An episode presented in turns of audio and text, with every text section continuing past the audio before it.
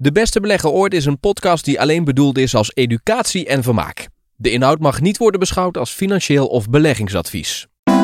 Dit is eh, De Beste Belegger Ooit. Mijn naam is Tom Jessen. In elke aflevering praat ik met eh, André Brouwers van het eh, Beleggingsinstituut.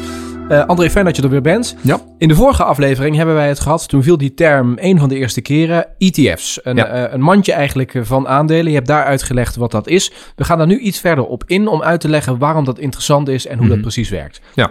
Ga je gang, waar beginnen we? Nou ja, kijk, ehm, als je gaat beleggen en je zet al je kaarten op één onderneming. eh, en het gaat toevallig om wat voor reden ook mis met die ene onderneming. Hè, er kunnen duizenden eh, eh, accidenten voorbij komen, zoals ze in België zeggen. Ehm, eh, ja, dan ben je natuurlijk wel het haasje, want er zit in één keer al je geld in één zo'n bedrijf. ik dus, heb dat dus- een keer met een farmaceutisch bedrijf gehad. Toen dacht ik, shit, dat had ik niet moeten doen. Ja, nou ja, zeker in die hoek is het natuurlijk heel moeilijk. Want ja, gaat het lukken, gaat het niet lukken. Ja. Dus oké, er zit risico aan. Er is altijd risico. Hè? Dat, dat is, niks is zonder risico. Zelfs sparen niet, hebben we ook al uitgelegd. Er zit ook risico aan. Namelijk dat je je koopkracht verliest. Nu, als je in aandelen gaat, dan wil je eigenlijk spreiding hebben. Je wilt eigenlijk zeggen, ja, luister, als ik nou een beetje in de technologiehoek zit en in de biotechnologie en in de voeding en in de chemie en ik pak een beetje de, de sectoren van de economie, ik spreid mijn geld, ja, dan heb je het misschien al gauw over 20, 30, 40 bedrijven die je dan zou moeten gaan kopen. Hè? Want je wilt ook in een sector, hè, wil je misschien ook weer gaan spreiden. Dus spreiding is dan de name of the game. Nou, eh, maar hoe kan dat als je maar 100 euro te besteden hebt aan het eind van de maand, omdat je je aandelen spaarpotje wilt volstorten? Nou, daar is een oplossing voor bedacht en dat zijn die ETF's. Dus wat dan een financiële instelling doet, die zegt: Oké, wij maken een mandje, wij kopen de 500 grootste bedrijven in Amerika. Dat is dan de SP 500-index. Nou, dan heb je 500 grote bedrijven. Nou, zo'n index, ja, zoals gezegd, 500 aandelen kopen, dan praat je over duizenden, tienduizenden euro's. Nou, die heb je niet, maar je wilt wel meedoen. Nou, Dus daar zitten dan de grote jongens in, zoals Apple, Zeker. Amazon, noem maar ja, op. ja, echt alle bekende namen die Ja. wij kennen uit ons dagelijks leven. Die zitten daarin.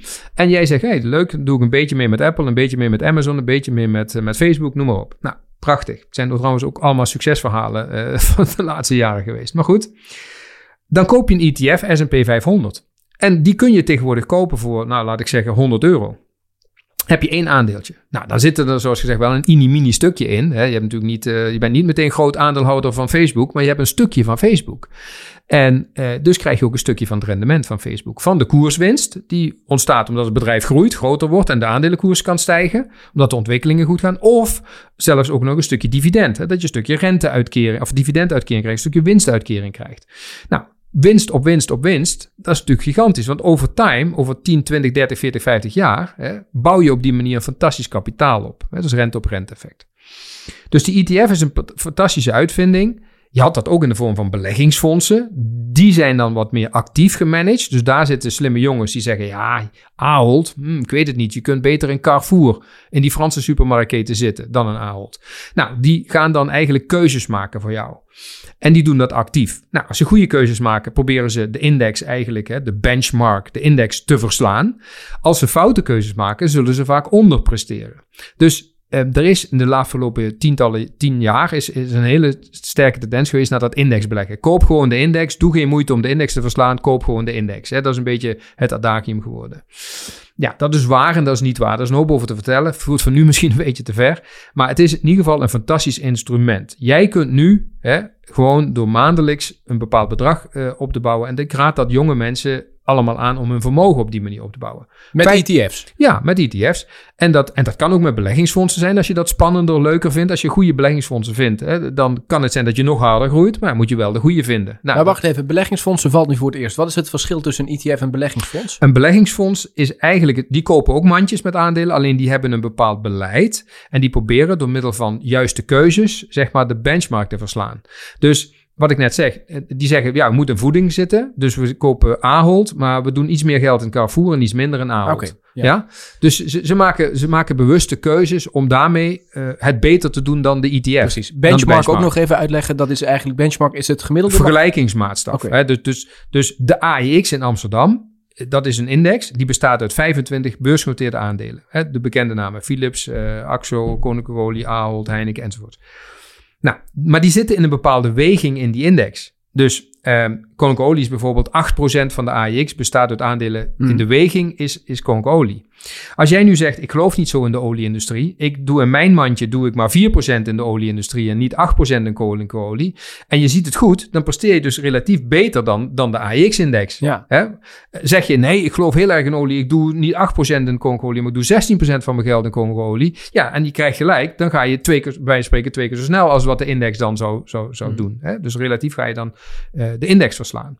Nou, dat is natuurlijk dat, dat sommige instituties, de grote beleggingsfondsen, die proberen dat op die manier te doen. Dus door hun analisten te laten kijken naar bedrijven en daar hebben ze dan een mening over.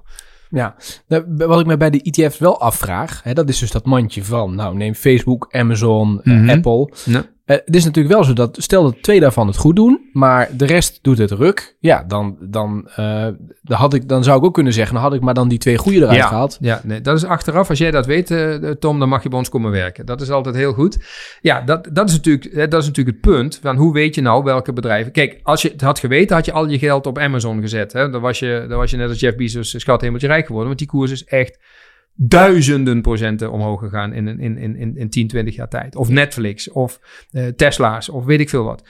Het punt is natuurlijk ook, maar ja, er zijn ook namen geweest zoals World Online. Als je daar al je geld in had gezet, had je nou, eh, had je nou nul gehad. Dus ja, dat is achteraf altijd makkelijk, maar dat weet je niet. Nou, en als je geen tijd hebt, en je er niet in wil verdiepen, je hebt de kennis niet en je zegt, ja, maar hoe kan ik toch profiteren? Want daar ging het om, hè? Wat is je doelstelling? Je Ja. doelstelling is dat jij je kapitaal wat jij vandaag verdient, dat je dat wil laten werken de komende 10, 20, 30, 40, 50 jaar. Ja. Want jij moet nog 30, 40, 50 jaar werken. Dus je wilt het geld wat je vandaag verdient, Ja. daar wil je rendement op maken. Nou, sparen lukt niet, dus moet je iets anders verzinnen. Nou, wat is er nou laagdrempeliger dan dat je met één simpele druk op de knop, in dit geval een rekening kunt openen bij een broker of bij een bank. Het kan bij de grootbanken, de ING's, ABN AMRO, Bank Maar het kan ook bij de Bink, de Links, de Giro, dat soort namen. Dat zijn gespecialiseerde brokers. Daar open je een effectenrekening. Dat is specifiek bedoeld voor het aan- en verkopen van effecten, transacties in aandelen, obligaties, noem het, dan- noem het dan maar op.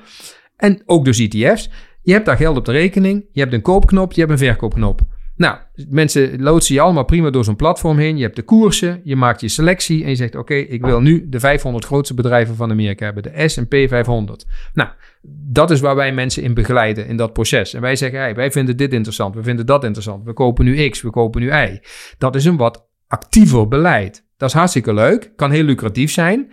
Eh, is niet altijd lucratief, laat dat helder zijn, maar kan heel lucratief zijn.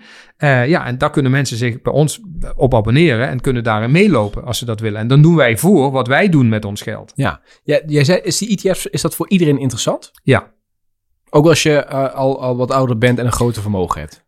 het antwoord is ja, maar als je wat ouder bent, dan ben je kwetsbaarder. Je bent kwetsbaarder voor een negatieve beursontwikkeling. Want kijk, nu hebben we 10, 12 jaar lang stijging gehad en iedereen doet alsof dat tot een lengte van jaren doorgaat. Nou, ik ben er wat sceptischer over. Ik denk van ja, we hebben fantastische tijden gehad. We zijn geholpen door een aantal ontwikkelingen. Hè.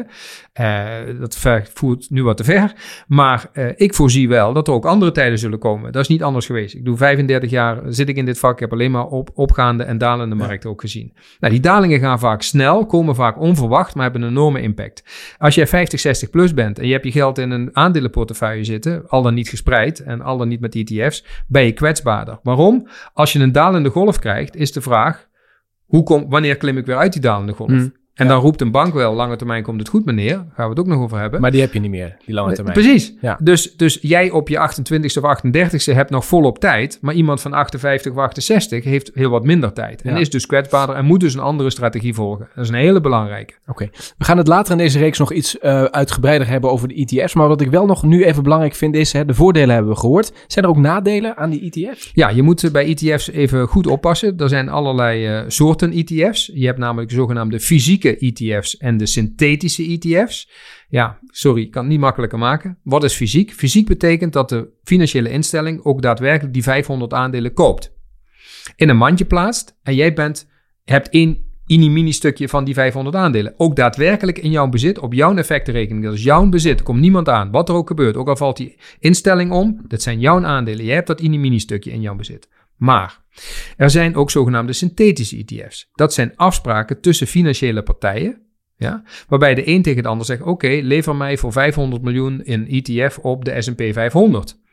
Oké, zegt ABN AMRO Bank, die bestellen dat dan bij een zakenbank in Amerika. En die twee maken die afspraak. Maar die aandelen worden nooit fysiek gekocht. Het is gewoon een afspraak. En dan gaan die aandelen omhoog, dan betaalt Pietje aan Jantje. En gaan ze omlaag, dan betaalt Jantje aan Pietje. Eh, dat zijn gewoon een synthetische afspraken. Feitelijk ligt er niks fysieks onder. Als er dan, for whatever reason, een probleem is tussen ABN AMRO Bank en de Amerikaanse zakenbank... en een van die twee partijen komt in de problemen ben jij je ETF kwijt. Want je hebt geen aanspraak, je hebt niks fysiek. Dus dat zijn wel even wat kleine aandachtspunten. En hoe zie ik het verschil daartussen? Uh, dat moet je in een prospectus lezen, want ieder product is, heeft een prospectus. Daarin staat precies beschreven wat het voor een product is en waar het, of het fysiek is of synthetisch is en bla bla bla. Goed, en, dan, en dat is het punt. Kijk, je kunt niet in twee minuten alles uitleggen. Hè? Mensen, dat is wat ik zeg, je moet wel even kennis opdoen. Ja. En ik snap dat iedereen zegt, ja, maar ik ben druk en ik ben dit en ben dat. En zeg ik, prima, snap ik allemaal, Tom. Maar je stapt om zeven uur in je auto en je stapt om zeven uur uit. Maar nogmaals, die euro's die je nu hebt, als je daar geen goede strategie op ontwikkelt, heb je daar over 30, 40 jaar enorm veel spijt van. Hmm. Want er is geen alternatief en je zult het initiatief en het alternatief moeten nemen en zelf moeten bouwen. Als je meer wil weten of vragen hebt voor André, Daar wil je meer over weten. Ja, dat kan niet anders. Dan gaan we dan meteen mailen, zou ik uh, adviseren. we hebben het in de bijlage gezet, of bij, in de show notes heet dat bij de podcast. Um, uh, podcast apenstaartbeleggingsinstituut.nl. En we hebben er ook een linkje staan voor als je zegt van, nou, ik heb een keer een bijeenkomst en ik zou het leuk vinden als André daar een verhaal komt vertellen. Het kan over verschillende onderwerpen gaan. Het gaat via de Theeuwengroep en het linkje staat mhm. ook in ieder geval in uh, de beschrijving. Dank weer voor nu. We gaan de volgende keer verder en bedankt voor het luisteren. Tot de volgende keer.